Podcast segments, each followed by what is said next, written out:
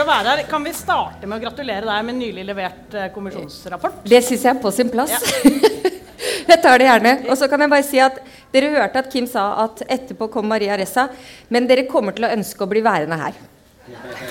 Nei da. Vi er bare utrolig glad for å få lov å varme opp for Maria Ressa, selvfølgelig. Ja, det, vi hadde ikke drømt om at det skulle være en del av bonusen her. Det er. Eh, dette lille lydmurkonseptet vårt, det, vi, det er jo en slags bryting av lydmur med innestemme, dette, Kjersti. Ja, det er det. Så det er jo det. ikke den lyden du egentlig forbinder med sånn lydbruddmur. Nei, det kommer ikke til å være volumet som, som er poenget her. Men, eh, men dette er en slags eh, konkurranse i klokskap og innsikt og formi formuleringsevne. Der snubla jeg allerede. Det er fordi, Ja. For hvis ikke vi konkurrerer, så kommer ikke Kjersti. Nei, Jeg kjente virkelig at når jeg hørte at Maria Ressa skulle være der, så tenkte jeg vi blir. Vi blir. Ja. Vi, vi drar den ut ja. Vi drar den ut. Ja. Men greia er i hvert fall at Anine og jeg snubla borti dette konseptet da det var sånn at vi først skulle holde et foredrag én time hver. Først skulle Anine snakke. Det var vel det som trigga meg. tenker jeg. Først skulle Anine snakke, og så skulle jeg snakke. Så tenkte jeg det er en dårlig posisjon for meg. La oss snakke sammen. Og da gjorde vi det på Høgskolen i Volda i to timer. Og folk tryglet om mer. I hvert fall følte vi det. Vi, vi liker å si dette til oss selv, iallfall. Ja. Eh, det som ble så fint med det, det var at vi egentlig hadde Vi hadde Hei, Torstein. Vi hadde ikke noe regi. Vi bare pratet egentlig på egen hånd. Eh, og det lot seg gjøre fordi vi jo til dels er opptatt av noen av de samme tingene når det gjelder ytringsfrihet. Ja. Hvor skal vi begynne, da? Eh, ja, vi kan, eh, vi kan begynne i Høyesterett, eh, Ja. for så vidt. Der, er, der var det, har det vært en sak i forrige uke som handlet om hatefulle ytringer. Nederste grense for straffbarhet eh, av hatefulle ytringer. Eh, og denne uken her var det den første saken eh, hvor de testet det nye kriteriet i 185 mot kjønnsuttrykk. Eh, ingen, av, ingen eh, kjennelse har falt i saken, så den henger jo. Men eh, vi kan eh, Det kan vi snakke om. Bare helt kort rekapitulere. Straffeloven har noen grenser for yt noen ytringer. Trusler, eh, sjikane, ikke ærekrenkelser lenger, privatlivskrenkelser. Noen sånne ting. En av de bestemmelsene handler om hatefulle ytringer mot minoriteter. Det er den som heter 185. Den er ganske mye diskutert i, i offentligheten, og en av grunnene til det er at det er litt vanskelig å bestemme hva som er over terskelen for eh, straffbart hat, og hva som er under terskelen, og egentlig kanskje en del av eh, ikke så hyggelig og kanskje ganske nedverdigende, men likevel en type politisk diskusjon. Eh, noen betente temaer, f.eks. disse minoritetene, kan være religion, det kan være islam, det kan være innvandring. Eh, men den beskytter egentlig flere grunnlag. Eh, den beskyttet inntil nylig mot altså, diskriminering mot homofil legning. Eh, nå er det vel seksuell orientering, tror jeg. Og så er det nedsatt Hudfarge. hudfarge, etnisitet, religion, nedsatt funksjonsevne. Og det grunnlaget som Kjersti kom inn på til slutt, nemlig kjønnsidentitet, eh, kjønnsuttrykk. Ja. Og den første saken om, om kjønnsidentitet og kjønnsuttrykk var vel den som ble prosedert sist, nå på torsdag. Ja, på eh, torsdag, ja. Ja. Mm. Tusen takk. Men, eh, men la, la oss begynne med den som var forrige tirsdag, syns jeg. Ja. Fordi det går på den lavere grensen. Den skal altså teste eh, hvor tidlig skal eh, straffebudet slå inn. Bare ett, en kontekst til. Jeg beklager jeg avbryter deg hele tiden. Men eh, et av forslagene i Ytringsfrihetskommisjonen det er å klargjøre denne 185-bestemmelsen, så vi ikke trenger å lure så mye på hva den egentlig rammer. Ja, men Det er et godt poeng. Det kan vi ta aller først. 185 er jo etter hvert en, et, eh, et straffebud som jeg vil ikke si at det er noe som mange slår opp i før de skriver en post på Facebook. Jeg tror ikke vi er der. Men, men, men det er, like, det er nå likevel et straffebud som vi refererer ofte til. Og hvis man da av nysgjerrighet går inn og ser hva som står der, så står det at man ikke skal forhåne noen, annet, og, og ikke utvise ringeakt. Dette er ord som, eh, som man hver gang man ser det, liksom må puste litt støv av, for de har, eh, de har tiden gått litt forbi. Altså, Vi gamlisungdommer bruker ofte ringeakt, men for mange så er det et litt rart ord. Ja, det er det. det er det. Og jeg syns for så vidt at ringeakt må man kunne få lov til å vise òg. Så jeg tror egentlig ikke ordet dekker det det er ment å gi signaler om. Liten aktelse må det være omtrent. Ringe, er ikke det liten? Jo. Ja. Nei, enig, det er ikke så veldig dekkende. Og, og det som var oppi den saken i forrige uke, det var en person som på en togstasjon hadde På Jessheim. På Jessheim. Eh, ikke le av dette var Ja. Eh, ja. Det er noen rare sider ved disse sakene som vi kan komme tilbake til. Eh, Tilstedeværelsen Det er av bak, bakte en poteter, bakt potetkø. Ja. Men, men eh, dette var eh, på Jessheim, på en togstasjon, to personer som ikke kjente hverandre. Eh, den ene sa til den andre, som var en 17 år gammel Var hun somalisk? Hun var 16 år og 10 16. måneder. Jeg har gått opp i detaljene. Jeg er blitt en sånn hat i høyesterett-groupie. Ok, ja, men det er fint. Da tar du detaljene, for jeg var ikke der. Nei. Ja, men du kan det jo like godt, bortsett fra at jeg vet at hun var all, veldig ung. Hun var 16 år og 10 måneder, eh, og han var en godt voksen mann. Eh, noe ruset. Eh, og det skjer på Jessheim stasjon. Og, og han sier på et veldig dårlig lydopptak Det ble kjørt i Høyesterett. Var vanskelig å høre hva han sier. Men han sier Dra til Somalia, der får du det bedre. Der er det ikke noe Nav. Det er ytringen som, eh, som er oppe til test i, i Høyesterett. Jeg skal også legge til at i tingretten, da saken var oppe i tingretten, så sier denne jenta ifølge da eh, dommen fra ting, tingretten at hun husk, husker ikke helt hva han sa, hørte ikke helt hva han sa, og har lagt dette bak seg. tenker jeg er liksom viktig for hennes del da, i denne saken. Men, men dette er en lov som egentlig ikke er altså Si hvis jeg ringakter Anine Sånn som du Det jo tidvis gjør. Som jeg Ja, tidvis ja. gjør. Men, Eh, det, men du gjør det på tomannshånd. hvis jeg gjør det på tomannshånd direkte til Anine, så kan jeg si hva jeg vil. Det er ikke straffbart. Men hvis jeg ringakter Anine sånn at dere hører det, så er det samfunnet som ta, griper inn og tar ansvar gjennom denne loven. fordi da eh, blir jeg slått ned på fordi jeg kan bidra til å spre hat. Og det er det denne loven er ment å forhindre. At, at, ikke, at hatet ikke får fotfeste, og da mot sårbare minoriteter. Og det skiller egentlig den bestemmelsen ganske mye. Vi har masse bestemmelser rundt omkring både straffeloven og andre steder som beskytter min følelse av ubehag eller redsel. Altså trusselbestemmelsen f.eks. Ærekrenkelsesbestemmelsen, privatlivsbestemmelsen. Alt det verner den kjipe følelsen jeg får hvis noe blir spredd ut i offentligheten. Mens denne bestemmelsen her, den er egentlig ikke der for å verne min følelse av å ikke synes det er dumt å bli ringeaktet, men eh, det hatet som kan oppstå hos dere fordi Kjersti er så god til å snakke. At hun overbeviser dere om at dere må drive og ringeakte på meg, dere også. Ja, og det er, et, det er en liten cliffhanger. Den skal vi snart komme tilbake til. Vi må forresten også snakke om krenk, følelse av krenkelser. Det er viktig, men det tar vi etterpå. Bare, jeg bare melder det på. Ja, du melder Ja. på krenkelser. Jeg melder Ja. på krenkelser som tema. Men sånn når jeg sier det at hun sier det i tingretten, så er det fint å vite for hen, vedrørende henne, men, men det er irrelevant for saken. For, for poenget er er dette ytringer vi som samfunn skal akseptere eller ei. Eh, og, eh, og den er som sagt oppe til vurdering. Og det, eh, det ene er at Ytringsfrihetskommisjonen Vi har foreslått å gjøre lovteksten litt klarere, men vi roper også et varsko om en annen ting. Og det er i hvilken grad 185 brukes i et kla, eh, klasse, ressurs, avmakt. Eh, perspektiv. Ja, for det du sier er, Hvis vi går tilbake til den der begrunnelsen, nemlig Kjersti er så god til å overbevise dere, så alle dere begynner å ringeakte meg. Eh, hvem er det egentlig som har de posisjonene? Det er ikke alltid at det er han litt rusa fyren på Jessheim stasjon, kanskje. Eh, det kan like ofte være ja, Andrew Tate er det vel kanskje i våre dager, da, eller den nordiske motstandsbevegelsen, eller Det er en, en del aktører der ute som faktisk har ordet i sin makt på den måten at de påvirker andre og kan skape et hat. Denne bestemmelsen er i liten grad, i alle fall de seneste ti årene, brukt mot dem. Den, det den stort sett har vært brukt mot de siste ti årene, det er eh, det som Riksadvokaten, da han egentlig bestemte at man, her måtte man se litt videre på saken, kalte hverdagsrasisme. Og det er ganske viktig å slå ned på. ikke sant? For det er det noe som virkelig påvirker folk i hverdagen, så er det jo hva de blir utsatt for på bussen eller på togstasjonen eller andre steder. Så det er ikke noen uvesentlig størrelse, det. Spørsmålet er om denne bestemmelsen egentlig var den beste å bruke til det, med den begrunnelsen den egentlig har. Ja, ikke sant? Altså det, det er jo da et spørsmål om det som skjer på Jessheim stasjon, som vi må en, være enige om at er langt fra noe prisverdig eller bra. Eh, det eh, er jo da spørsmålet om det faktisk bidrar til å spre hat.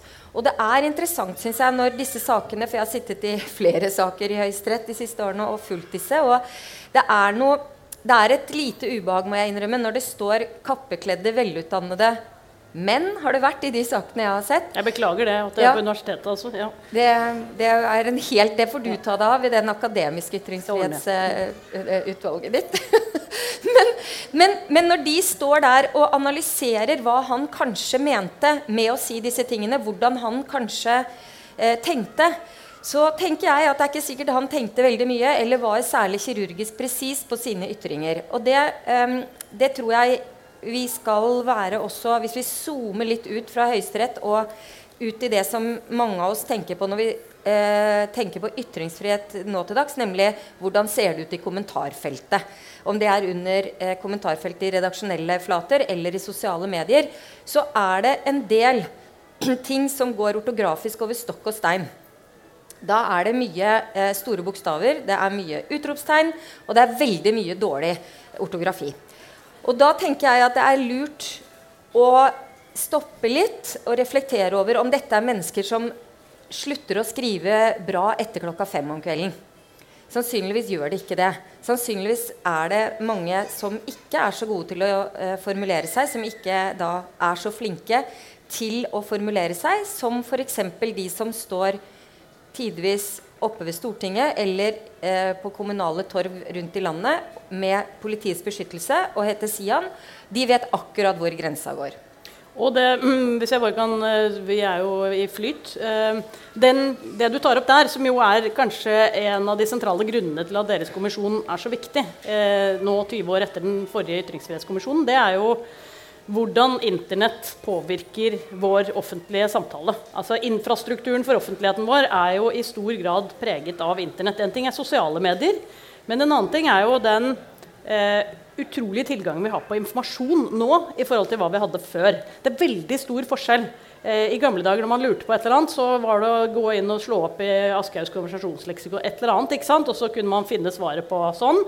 Eh, nå kan man jo finne veldig mye lettere veldig mye flere kilder på Google. Men det som blir borte med Internett, det er jo den eh, de portvokterne som var eh, redaksjoner eller eh, skribenter eller fagfolk eller hvem det nå var som hadde skrevet eh, eh, leksikonartikler.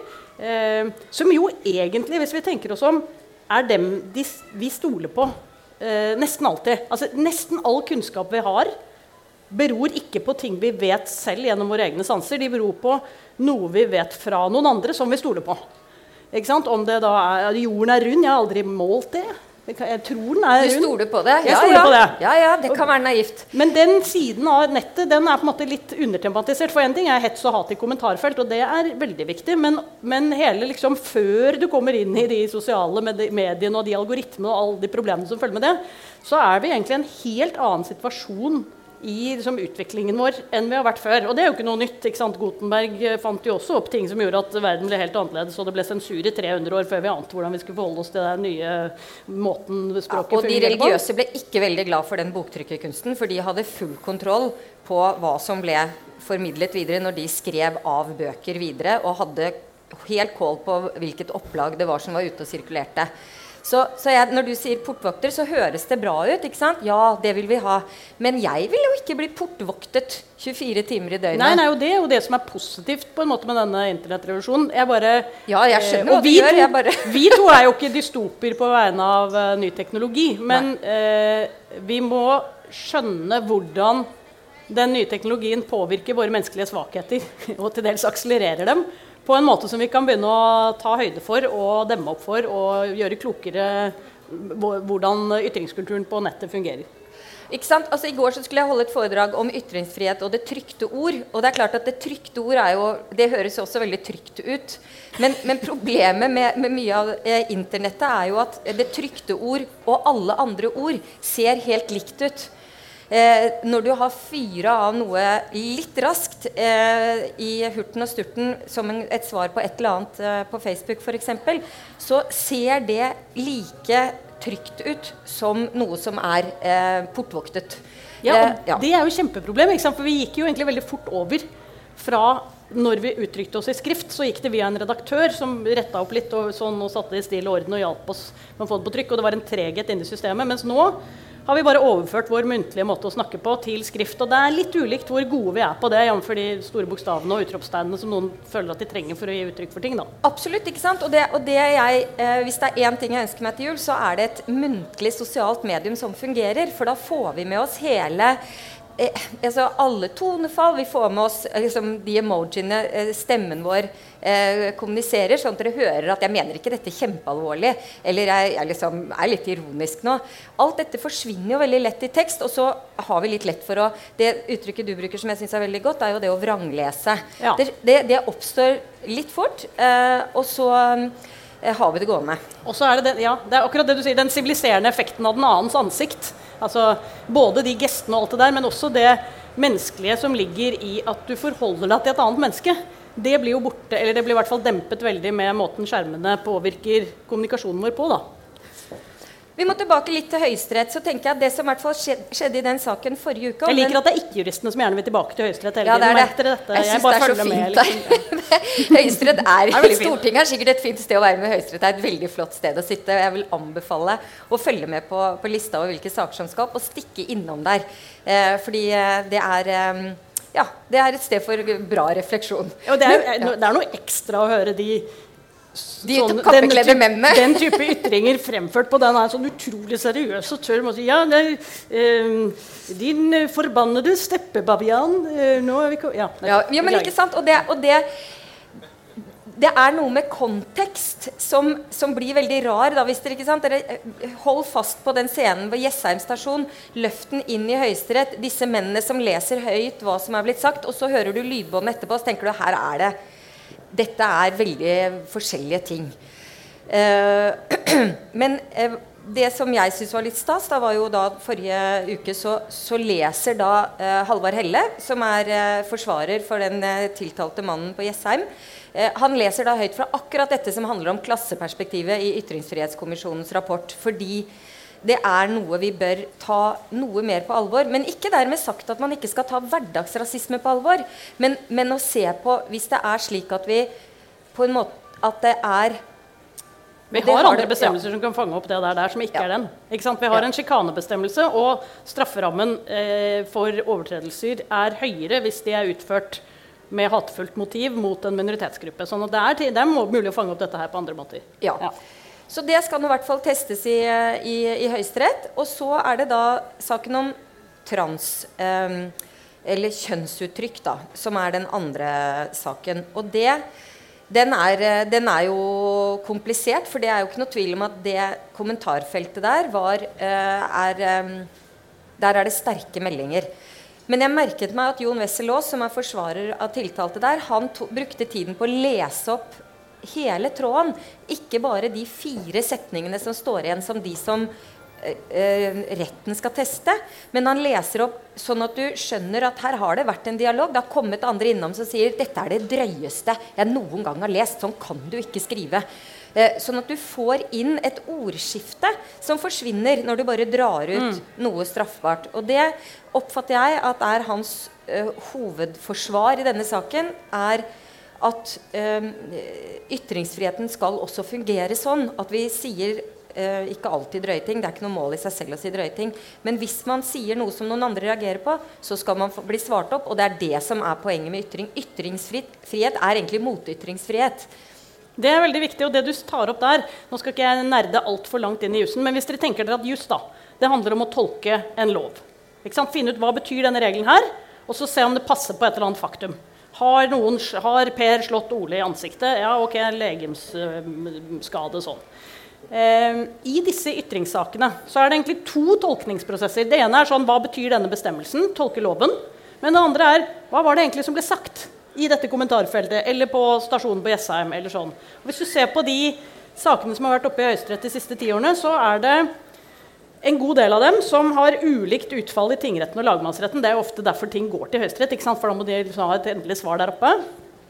Men det de er uenige om her nede, det er ikke hvordan loven skal tolkes. Nei, det er hvordan ytringen skal tolkes. Og det er jurister både gode på, fordi språk er på en måte kommunikasjonsmiddelet vårt, og det er det vi driver med.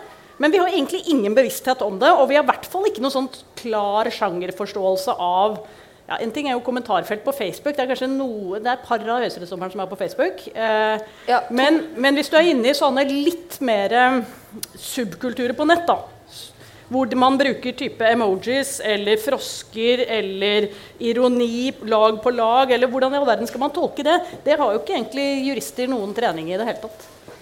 Det er jo litt urovekkende, for det er jo der mye av ytringene skjer. Men det Jeg beklager, det er, det, det er den videreutviklingen til Bismarck der politikk, lover og dommer. Men vi vil ikke vite hvordan noe av det blir. Nei, nei, ingenting. Vi vil ikke vite. Men det får du et innblikk i hvis du sitter i Høyesterett. Men en ting som jeg syns er veldig interessant eh, med, den, eh, med den siste saken, som handler om kjønnsuttrykk som er i Høyesterett, er at den tiltalte der er veldig tydelig på at han ikke oppfatter seg som eh, at det er han som har generert dette, men han oppfatter at han svarer opp det han oppfatter som aggressivt. Eh, og det eh, er et helt sånn klassisk eksempel på det all forskning viser. At det er ingen som oppfatter seg ikke sant? Sånn der, Hei, vi er en forsker her, vi leter etter hatere i kommentarfeltet. Er det noen hatere her? Er det noen av dere, Er noen av dere som hånden. hater? Eh, det er ingen som hater. Det er faktisk ingen som hater. Men de som andre kan oppfatte som hatefulle, de mener standard eh, by default at de svarer opp det andre eh, spiller opp til. Så de er egentlig der for å rydde opp litt. Ordne opp. Og det er jo sånn, eh, bare for å skyte inn der, for det mm, Vi driver jo stadig og ytrer oss og blir misforstått. Ikke fullt så ofte når vi snakker sånn som nå. Som når vi skriver, er det noen som har opplevd å bli misforstått når de skriver en e-post? Kanskje med noe Eller når du skriver en beskjed hjem til ungene, f.eks. Det skjer, skjer at man blir misforstått. Så det som skjer i en kommunikasjonsprosess, er det en eller annen tanke inn i hodet mitt som skal inn i, tanke, inn, inn i hodet til Kjersti. Og hvor bra den egentlig lander borte hos deg i forhold til hva den startet som her, det kommer jo an på både hvor god jeg er til å oversette, og hva som skjer på veien bort, og hvor god du er til å tolke på din side. Og om jeg liker deg, eller om jeg står og ser på den jakka, er jo egentlig veldig fin. Ja, ikke sant? Det var det du kom sammen Ja, ja, Ja, den, Slipset ja. til nyhetsoppleseren som vanlig. Ja. Men sånn, vi har masse menneskelige svakheter som gjør at rasjonaliteten vår hva er det Hume sier? Eh, følelsene styrer, og rasjonaliteten sitter i baksetet. Det er jo egentlig en sånn bra Jeg tror det er sånn frontallappen som er følelsene, og så er det liksom den, den tenke sakte-delen som er bak her. Så med mindre du kjører det innom den tenke sakte-delen, så har vi masse sånne kognitive slutningshjelpere inni hodet som biologisk sikkert hadde mye for seg, men som egentlig ikke hjelper oss sånn innmari mye nå. Vi er stort sett enige med dem vi eh, holder oss inne med og identifiserer oss med. Eh, vi søker bekreftelse på det vi allerede trodde.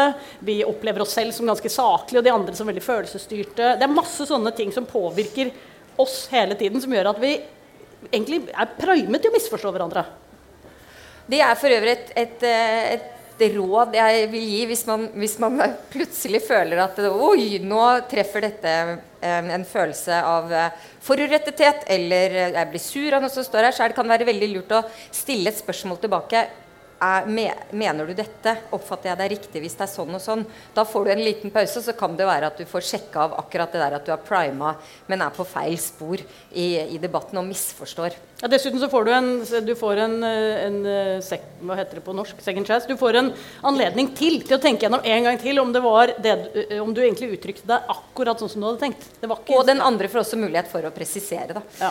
Men, men, men ha det litt i bakhodet at det er veldig få som eh, Det er ingen hatere der, men, men man, eh, men eh, man eh, kan bli oppfattet slik, selv om man ikke ser seg selv sånn. Så det får man ta opp med sin eget, sitt eget selvbilde, egentlig. akkurat det der, Men det er dypt menneskelig, og det slår inn i eh, statistikken. Men apropos menneskelige ting, du ville gjerne snakke Ja. om krenkelser. Ja, for er skjønner jeg, fikk det, jeg fikk nemlig det spørsmålet i, i går, som er bare helt sånn Hva skal vi gjøre med de som så lett føler seg krenket? Og den timen hadde vi egentlig ikke til rådighet på det tidspunktet den kom. Så det skal- det skal jeg svare på da, Så nå tenkte jeg nå Eat this! Hva skal vi gjøre med Ja, Ja, Det var sånn det var formulert, nemlig hva skal vi gjøre med? Jeg tenker at dem skal vi ta vare på. Ja. Um, og det kan vi, men det kan vi gjøre uten å konkludere med at noen som de følte seg krenket av, gjorde noe galt i den andre enden. Altså hvis du ser på Den nye opplæringslova den sier at en elev er eh, mobbet hvis noen har mobbet vedkommende. naturlig nok, eh, Men også hvis vedkommende føler seg mobbet. Ja, okay. hvis, har, hvis dere er en klasse av eh, sterkt religiøse elever, og jeg står her og underviser nå i Darwins utviklingslære, for det er en del av læreplanen, så kan dere godt føle dere ganske krenket. Og det er ikke urimelig egentlig at dere føler heller. Men det betyr jo ikke at jeg gjør noe galt her. Det betyr at deres forståelseshorisont er av en karakter som, som når den helt legitime ytringen faller ned i, i deres hoder, så berører det følelsene deres. Så det å frikoble opplevelse fra mening, eh, det kan vi av og til gjøre hvis målet er å ta vare på de som føler seg mobbet eller krenket eller utsatt. Vi må bare ikke gjøre den feilslutningen at noen gjorde eller sa noe galt i den andre enden. Ulem, ulempen da er jo et stykke på vei at vi bruker ordet 'krenke', som kommer av at man er krenket Krank. og da har foretatt en krenkelse. Hvor kommer det? Er det krank? Er det syk? Er det, hva er det for noe? Hvor kommer, jeg har ikke slått opp etymologien ja, på krenkelse. Det. Men det høres i hvert fall ikke bra ut. Eh, mens, mens, det kanskje i utgangspunktet er noe du er dypt uenig i. Eh, og, og det, er det, er altså mye av, mye av vokabularet innenfor aktuelle ytringsfrihetsdebatter er veldig si, sånn profesjonalisert og, og, og etterlater inntrykk av at ting er verre enn det er. Eh, der kan jeg vel betale, stikke innom eh, første setning i Ytringsfrihetskommisjonens rapport. For der sier vi at, eh, at vilkårene for, for, ytringsfrihet i Norge er bra. Det oppfatter jeg at noen kom som en veldig overraskelse. Enda det ikke er noen land i verden som er bedre enn Norge, egentlig. Og det er faktisk veldig gode forhold for ytringsfrihet i Norge. Vi blir ikke kastet i fengsel. Vi kan si det vi mener, både mot myndigheter og makt og jurister og alt. Det er jurister. Ja. Nei, det, jeg holdt på å si dommere, så tenkte jeg fikk lyst til å ta med deg òg. Ja, eh, og så um, har vi god tilgang på informasjon. Så det er jo gode forhold for ytringsfrihet i Norge. Men, eh, men eh, mye av debattene etterlater inntrykk av at det er hatere, det er troll. Det er krenkelser. Altså det, er, det, blir fort veldig ravnsvart, og det advarer vi Ytringsfrihetskommisjonen Jeg syns det var veldig fint at dere fremhevet så tydelig, og du i den presentasjonen. Det er veldig mye bra i den kommisjonen helt generelt, eller utredningen. Men, men det å på en måte legge premissene først, det er egentlig Det er veldig bra.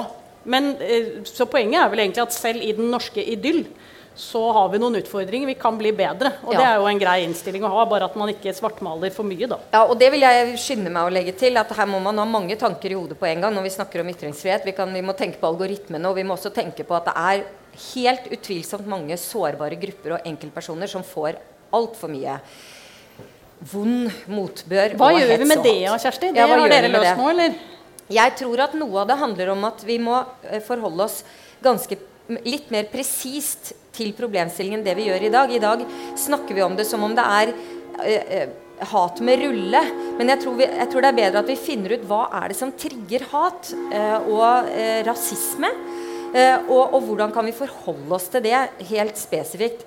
Og så kommer det Én ting er at eh, vi ser at noen eh, etniske minoriteter får mye hat. Eh, denne uken her er det jo også adoptivbarn får tilsvarende. Um, Hva var det? Det har jeg ikke fått med meg. Nei, Det er en diktsamling som kom nå fra en mann som uh, har vokst opp som adoptivsønn i familien. og Kjønn heter han dette, nå husker jeg ikke fornavnet, men, men, han påpeker jo også dette at han har vokst opp med hverdagsrasisme, eller kanskje åpenbar rasisme også.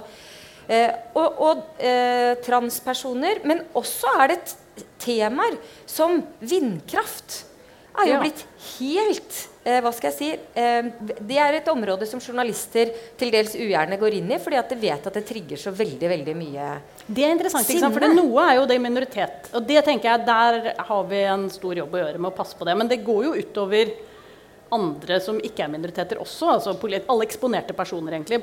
Unge politikere sliter jo, og da blir jo et problem for demokratiet vårt hvis ingen orker å være politiker lenger. Men det er jo som du sier, noen betente temaer. Altså vi hadde, eh, Jeg sitter i, i styret i Fritt Ord, eh, og vi sponset en uh, utstilling eh, for noen år siden eh, på Elverum eh, museet på Skogmuseet om ulv. altså ulv og sau. det er og det spiller jo egentlig rett inn i en sånn Hvis du ser litt tilbake i norsk historie, hva, hvilke debatter, hvilke konflikter er det som har vært formative for at vi er den nasjonen vi er? Det er jo sentrum, periferi, by og land. ikke sant? Og det er jo Noe av det ligger jo under der. Men eh, det er jo noe med måten ordskiftet vårt fungerer nå, fordi vi hele tiden alle har tilgang på alle andres meninger, også de som egentlig føler at de snakker inn i sine egne små offentligheter. Så det blir så voldsomt akselerert. Og så hjelper det jo til med disse algoritmene som syns det er ekstra gøy når folk er skikkelig sinte på hverandre. Så det er det vi får opp i feedene våre. Så vi får jo et inntrykk av at ordskiftet er 100 ganger mer forferdelig enn det faktisk er i tillegg. Da. Ja, og, og det som jo er viktig, som jeg mener er et sånn grunnleggende budskap er at én ting er de personene, de gruppene, som får hat og hets som de må håndtere selv, men det er et angrep på oss alle. Fordi det fører til at de ikke deltar i offentligheten på en måte de, eh, hvis de kunne velge selv, hadde ønsket å gjøre. Og da blir vi også fratatt informasjon, vi blir fratatt perspektiver, og vi blir fratatt meninger som vi ellers ville hatt.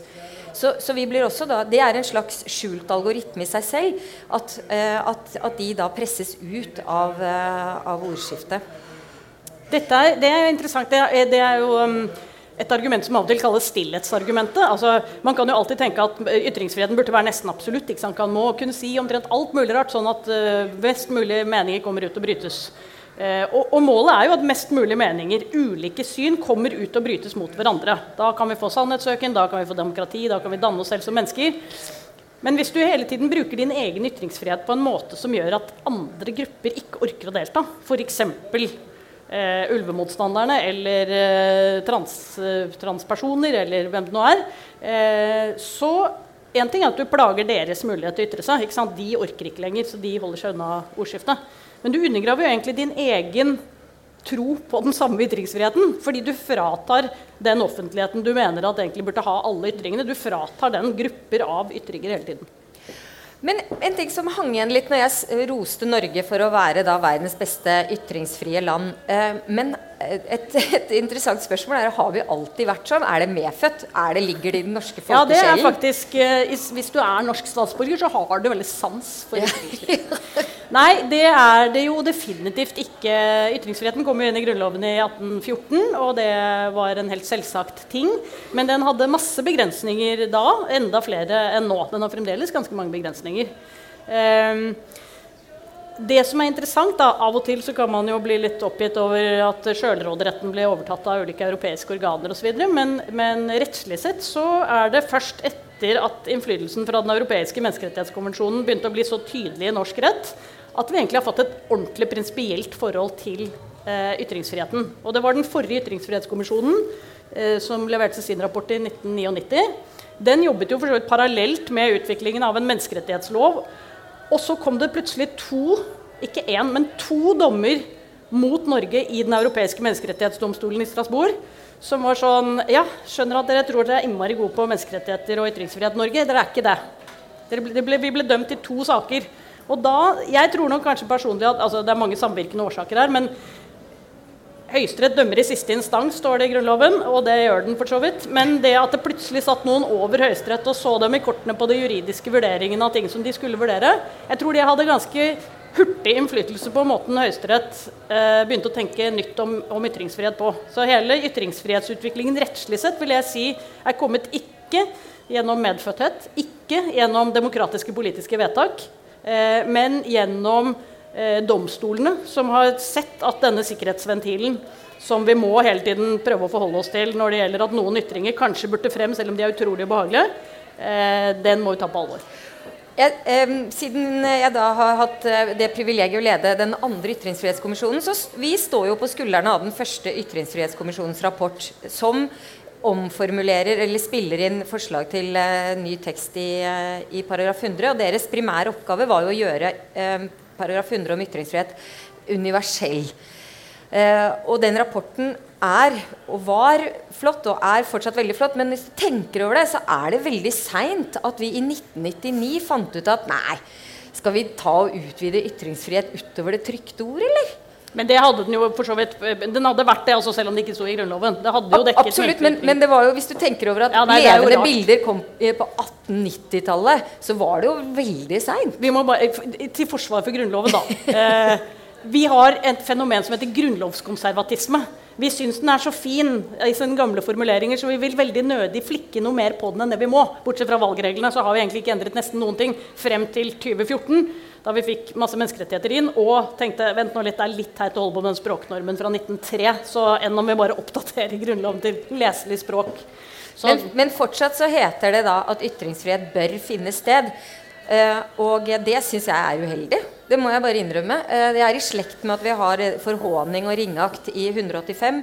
For, for, det er liksom allerede etter ord to så må du ha en sånn stjerne, sånn forklaring. Bør skal bety skal. Det, det man da kan, Siden vi er så heldige i Norge å ha to målformer, så kan man jo da lese paragraf 100 på nynorsk, hvor det står 'ytringsfridom skal det være'. Nemlig. Ja. Så det er en Det er fin oversettelse. Mye bedre på nynorsk, den bestemmelsen nå. Men du, la oss, la oss eh, fortsette litt mer med, det, med at ytringsfrihets... Eh, hva skal man si? Trøkket kommer fra Europa. For nå eh, begynner det å skje ting eh, i Europarådet som er veldig urovekkende. Én ting er at vi har Tyrkia som ikke hører på f.eks. Eh, klare meldinger om at en mann som heter Osman Kavala, som er fengslet på gud vet hvilket år uten lov og dom, og de bare holder på og holder på eh, og endrer, eh, endrer bestemmelsen. Har fått klar kritikk fra Europarådet for å gjøre det. Men noe annet er land som ikke nå lenger ønsker å tilslutte seg med eh, Den europeiske menneskerettskonvensjonen. Er Fog in the Channel, Continent Isolated? Yes. Er det det du tenker på? Det jeg tenker på Nei, Storbritannia, Storbritannia er jo, de fant jo egentlig opp menneskerettighetene, så de trenger egentlig ikke å forholde seg de, til den europeiske varianten av hvordan dette har utviklet seg. De eh, trenger ikke EU heller, og det er greit. Det har de, gått ut, eh, de har gått ut av EU. Men de har nå også eh, vet, vedtatt. Er den vedtatt? Nei, Altså, den er bare den- lagt frem. Jeg tror Den er ikke vedtatt, men, men problemet er jo at dette var, en, var på en måte et utspill for noen år siden som har fått fotfeste, og så har bare kverna jobbet og jobbet i den retning. Så jeg tror jo nå at de kommer til å rett og slett melde seg ut. Og melde seg, koble seg av. Det er en ny lov som er på trappene i, alle fall i Storbritannia, hvor man tenker at man egentlig har, eh, greier seg godt med de menneskerettighetene man har hjemme, så man trenger ikke forholde seg til den europeiske menneskerettighetskonvensjonen mer. Eh, kan google opp eh, en video som kom i forlengelsen av det utspillet for noen år siden, som folk bare ikke tok seriøst. ikke sant? Vi kan ikke melde oss ut av en særlig, menneskerettighetskonvensjon. ja. Særlig, vi gjør ikke det. Eh, hvis du googler 'What has the European Convention of Human Rights ever done for us?', som er en parodi på, eh, eller sånn satireparodi på en sånn Monty Python-sketsj, eh, så får du egentlig en sånn, ja, en sinna statsminister som gjerne vil melde seg ut av den europeiske menneskerettskonvensjonen, og spør hva i all verden har den noen gang gjort for oss briter? Liksom, det er vi som har funnet opp verden.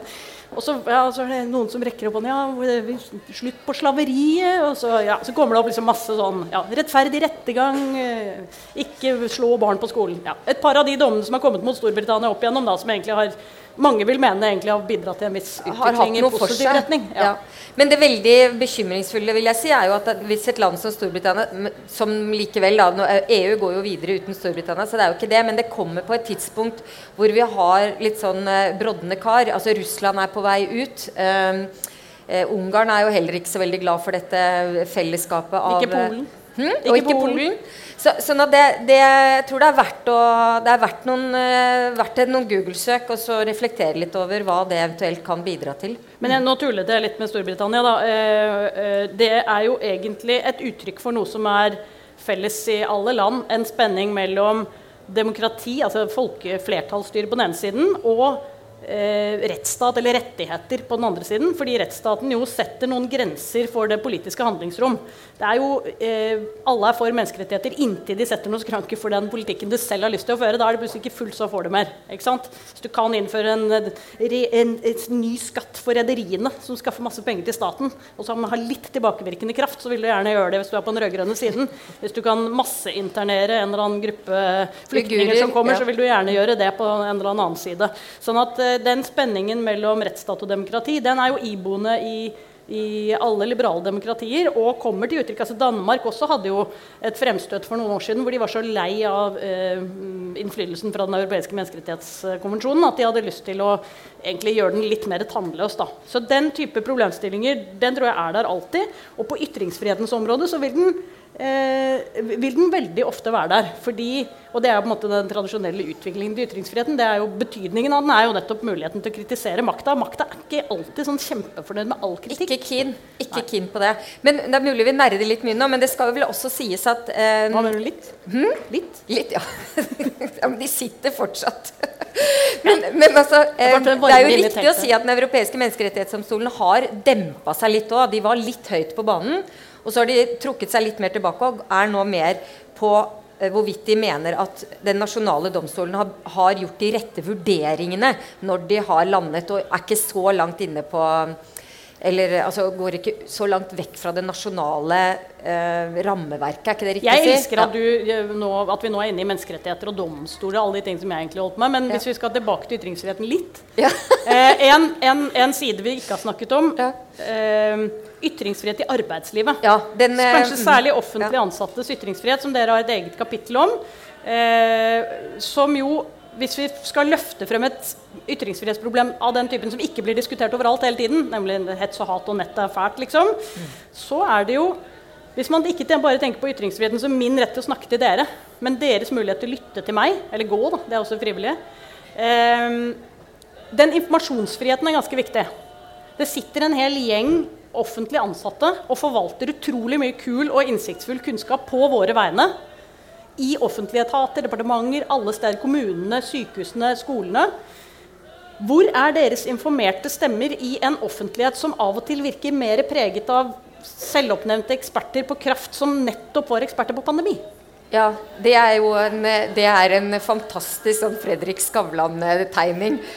eh, hvor du, ser noen bak som står og diskuterer da, eh, strøm. Og ja, I forrige uke var hun ekspert på pandemi. altså Det er et eller annet med ja, hvilken kunnskap som, eh, som glir av gårde. Men, men eh, hvis, skal, hvis det er ett eh, område som det er eh, Som ved en endring kunne kvalitativt løftet ytringsrommet vårt, så er det større ytringsfrihet i arbeidslivet. Kanskje særlig i offentlig sektor, men jeg vil gjerne dra med privat òg. Ja. fordi det, er, det er altså rett og slett sånn at hvis, hvis flere hadde følt seg fri til å dele av kunnskap, innsikt, eh, perspektiver på bakgrunn av det man jobber med, så ville kvaliteten på vårt offentlige ordskifte blitt vesentlig bedret, og vi ville tatt bedre beslutninger, tror jeg, som Og, følge av det, og dette handler jo eh, lite om juss, egentlig.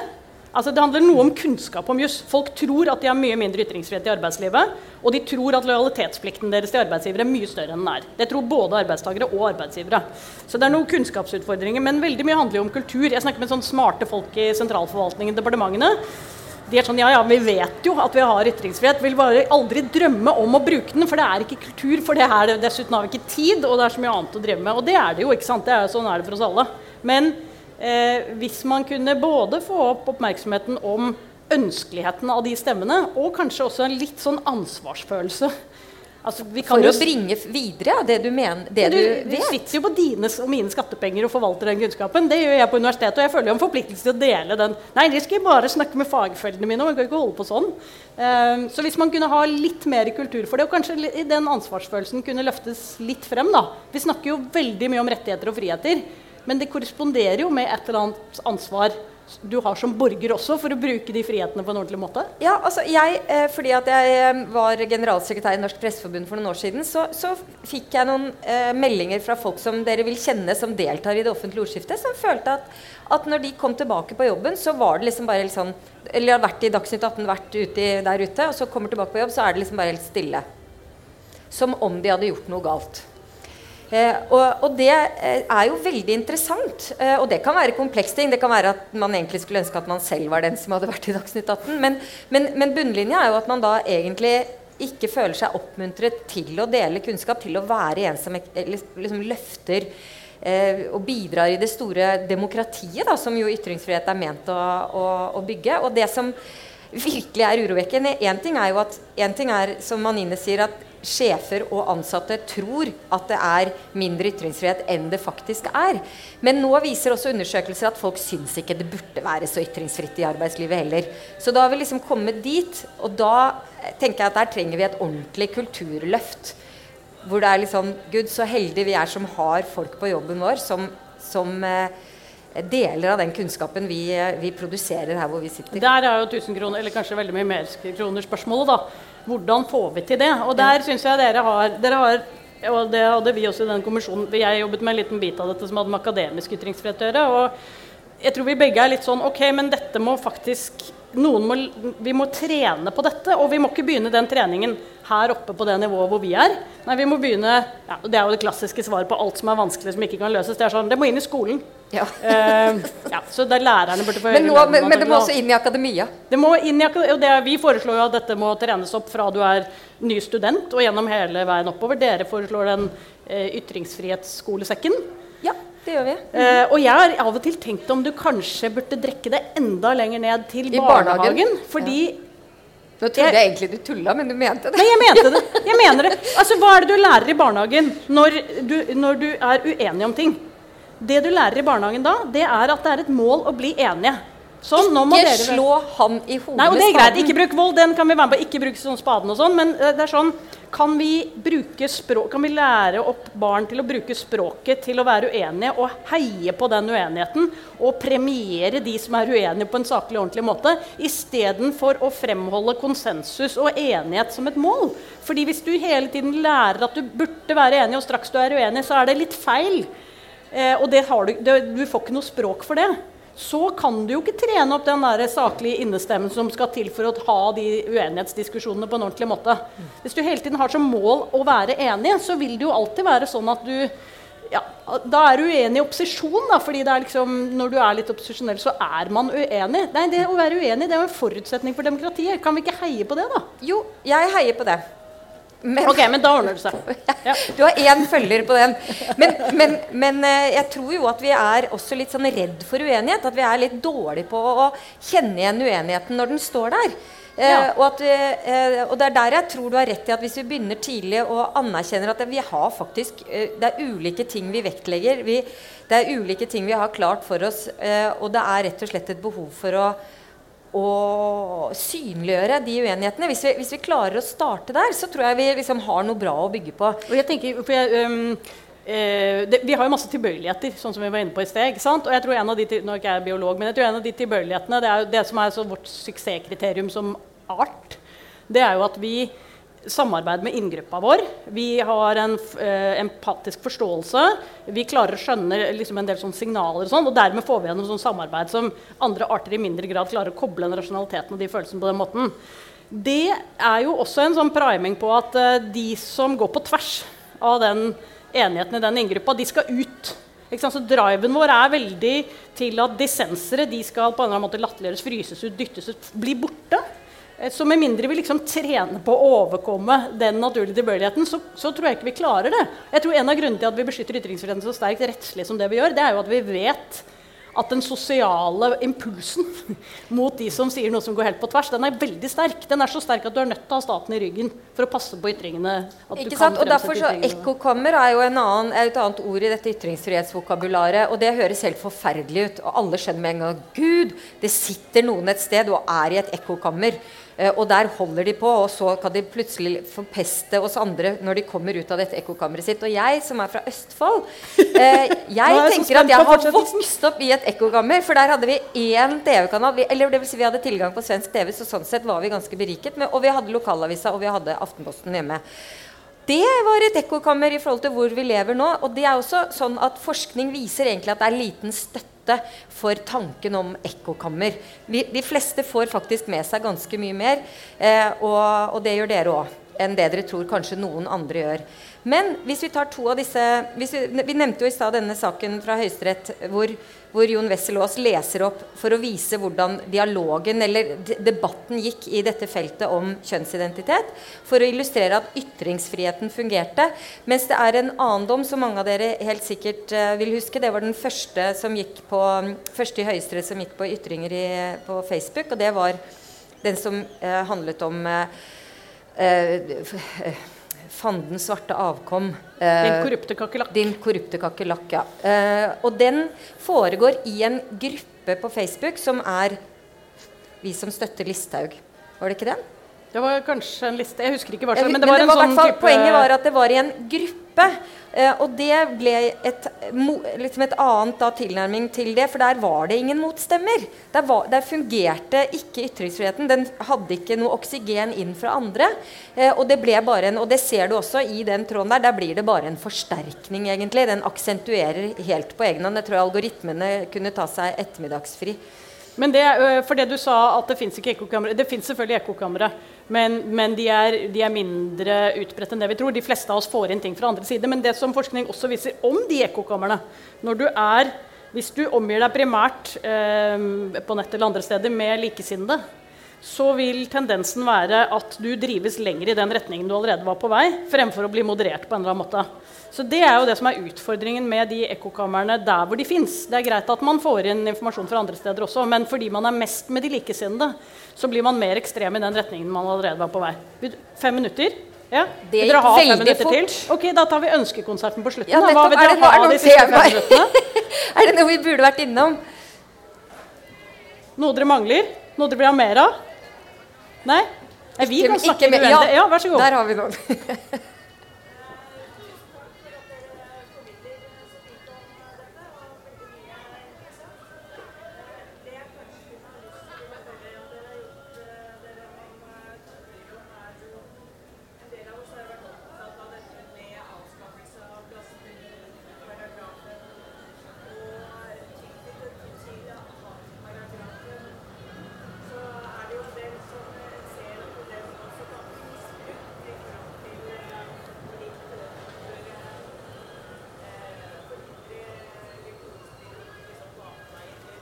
Ja. Ja.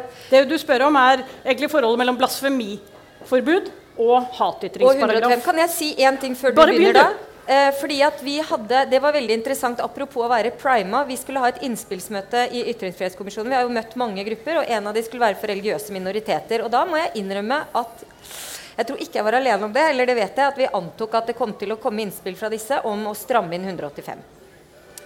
Og stram, på en måte som gjorde at det ble mer, mindre, ja, mindre rom for Mer blasfemiske vern av religiøsitet, Ja, ja, egentlig. Eh, det gjorde det ikke. Ingen av de tok opp det i det hele tatt. Derimot så ba de om at det måtte være Og det var liksom det fascinerende, men kanskje ikke så overraskende. at De ønsket at det måtte være mer rom for å kritisere religioner.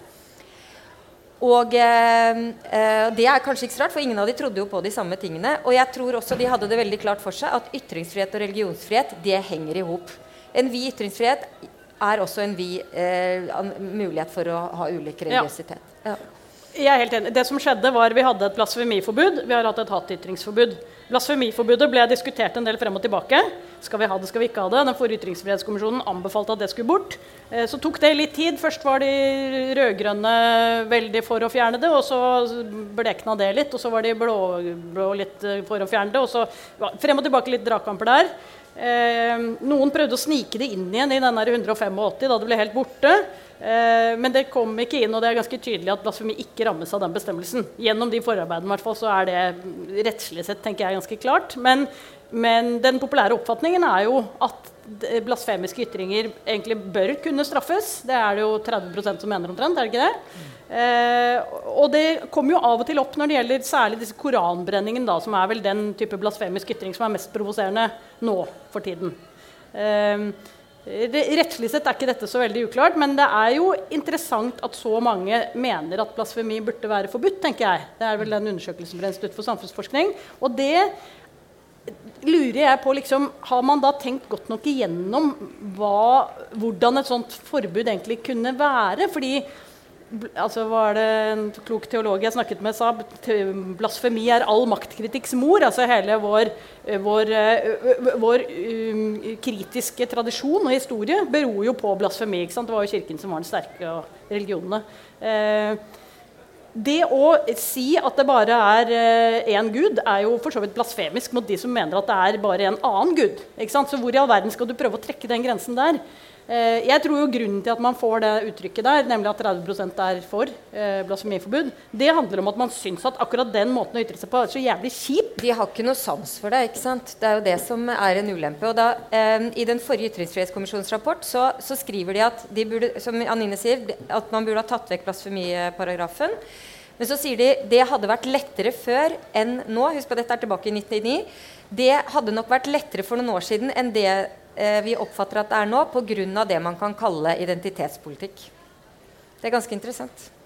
På, Det er et frampek. med mindre du nå vil kon konkurrere med Maria Ressa, sånn som du Jeg så tror jeg kanskje vi må runde av nå. Jeg ser at du står der, men jeg kjenner på at jeg vil ikke gi meg. Men ok, vi gir oss der. Takk for Tusen at dere var her.